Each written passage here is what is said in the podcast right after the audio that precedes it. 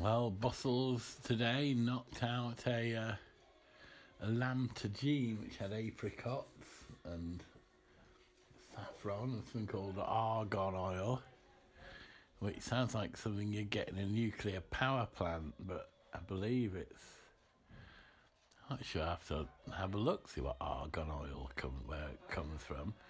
But yeah, it does sound like something that the Royal Navy had used for greasing torpedoes before they're uh, let fly.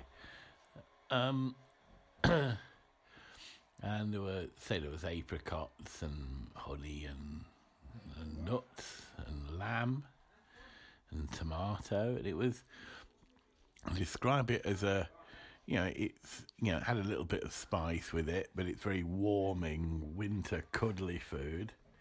Um, very good indeed.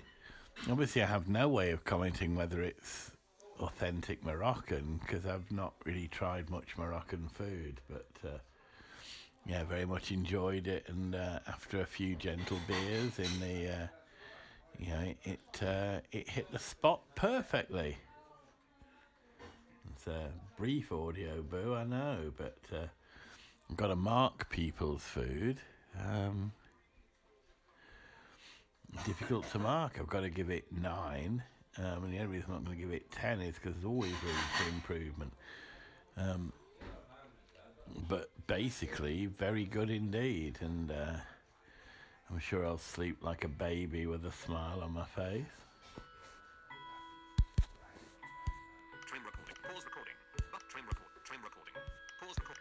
minutes and 49 seconds. Pause recording.